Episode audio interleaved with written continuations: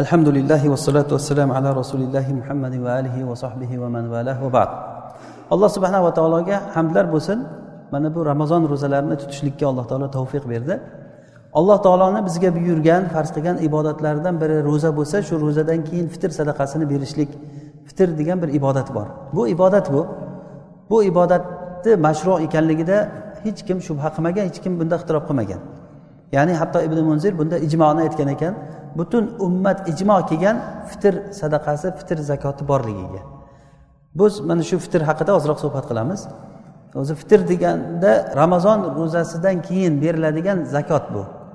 Bu ibodat bu xuddiki zakot berilgan namoz o'qilinganday ro'za tutilgandagiday ibodat. Buni vojib fitr deyishligini sababi chunki ro'za ro'za tugagandan keyin og'iz ochiladi ovqat yeyiladi.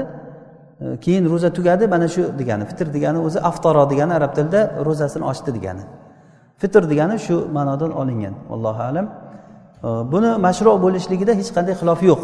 Ibn umar roziyallohu anhu rivoyat qilgan hadisda rasululloh sollallohu alayhi vasallam aytdilarki zakatul fitri faroda rasululloh sollallohu alayhi vasallam zakatal fitri so'an min tamrin so'an min tamrin va so'an min shair.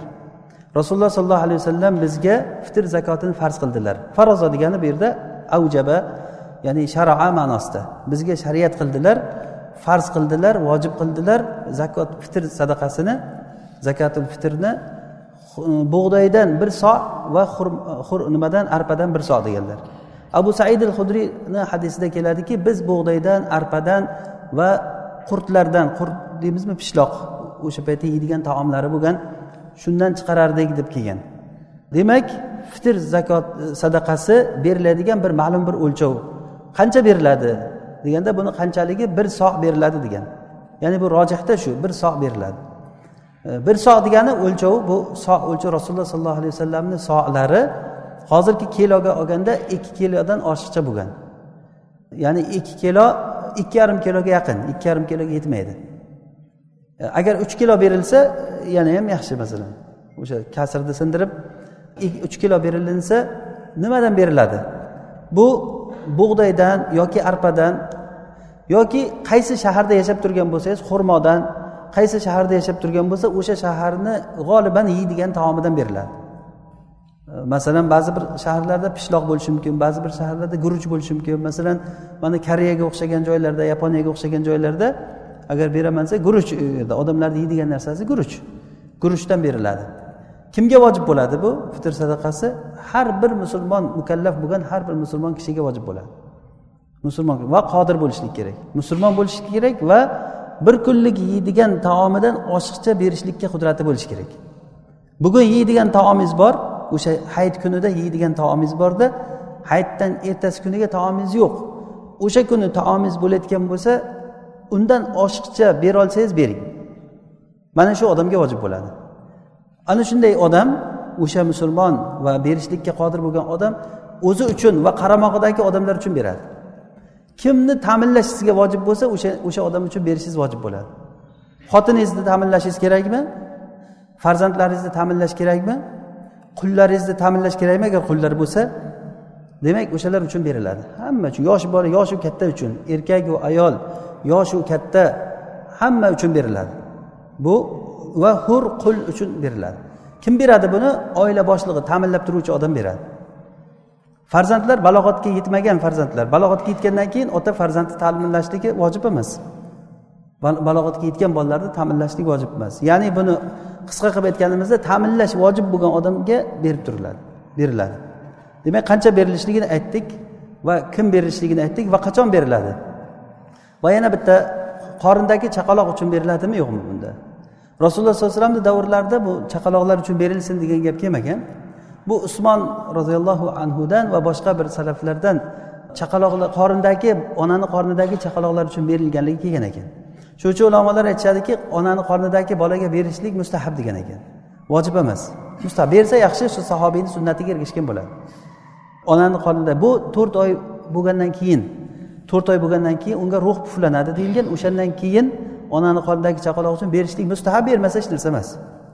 Bermasa hech narsa emas. Qolgan odamlarga hammaga beriladi.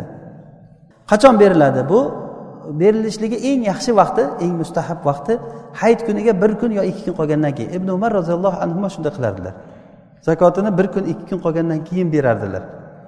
Va ramazon kirgandan keyin shofiy mazhabda ramazon kirgandan keyin berib qo'yilsa bo'laveradi deganlar u kishi. Ramazon kirgandan keyin o'zi asli sabab vojib bo'lishligini sababi ramazon kirib ramazon tugagandan keyin fitr ya'ni ramazonni tugash boshlanganligi uchun beriladi. Hanafiy mazhabda odam borligi uchun beriladi degan shofiy mazhabda shofiy mazhabda shu ro'zani tutib keyin fitr qilganligi uchun beriladi degan.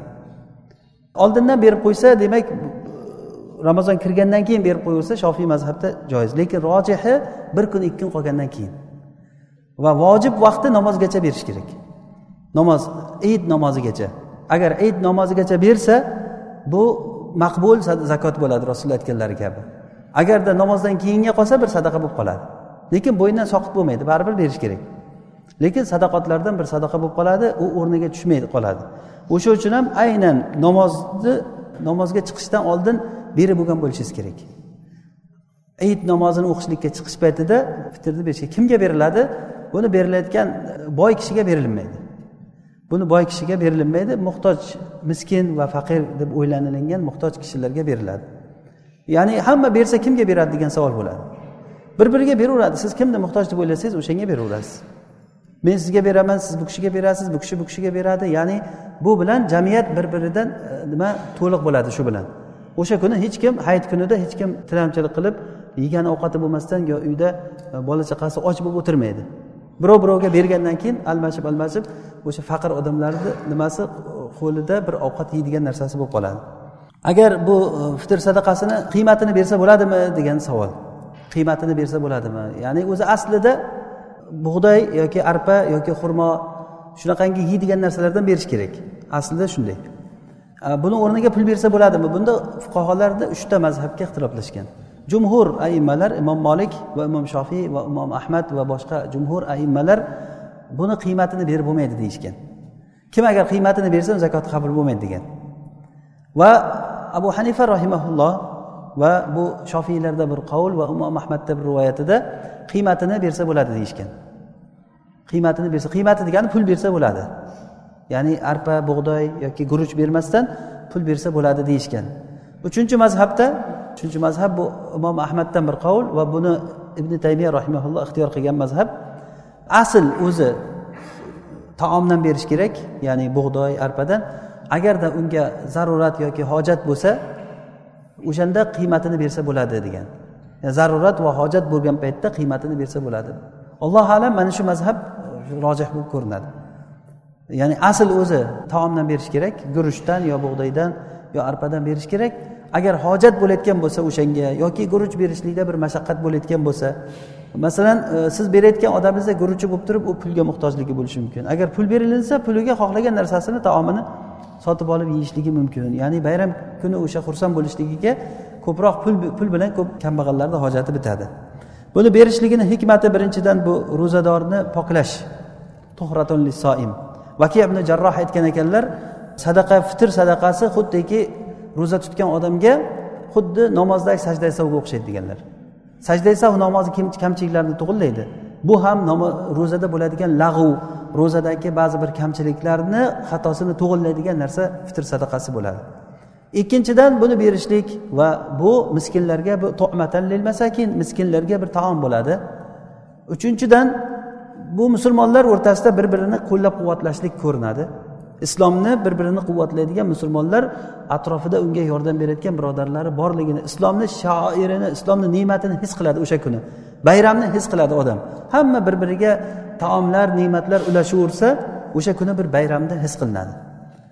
Va yana to'rtinchisi bu alloh taologa shukurni ifoda qilishlik bo'ladi. Alloh taolo tavfiq berib ro'za tutdik.